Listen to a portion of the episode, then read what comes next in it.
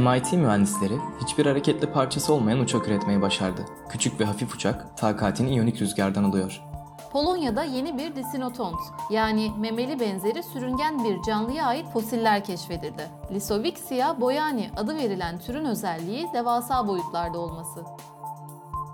Hollandalı biyoteknoloji şirketi Diagnostics sadece cilde ışık tutarak erken diyabet ve kalp hastalıkları tanısı koymaya yarayan bir teknik geliştirdi. Hindistan 2023'te Venüs yörüngesine yerleştirmeyi düşündüğü uydu için uluslararası bilim insanlarına çağrıda bulundu. Açıklanan plana göre uyduyla birlikte atmosferde salınarak ölçüm yapacak bir de balon gönderilecek.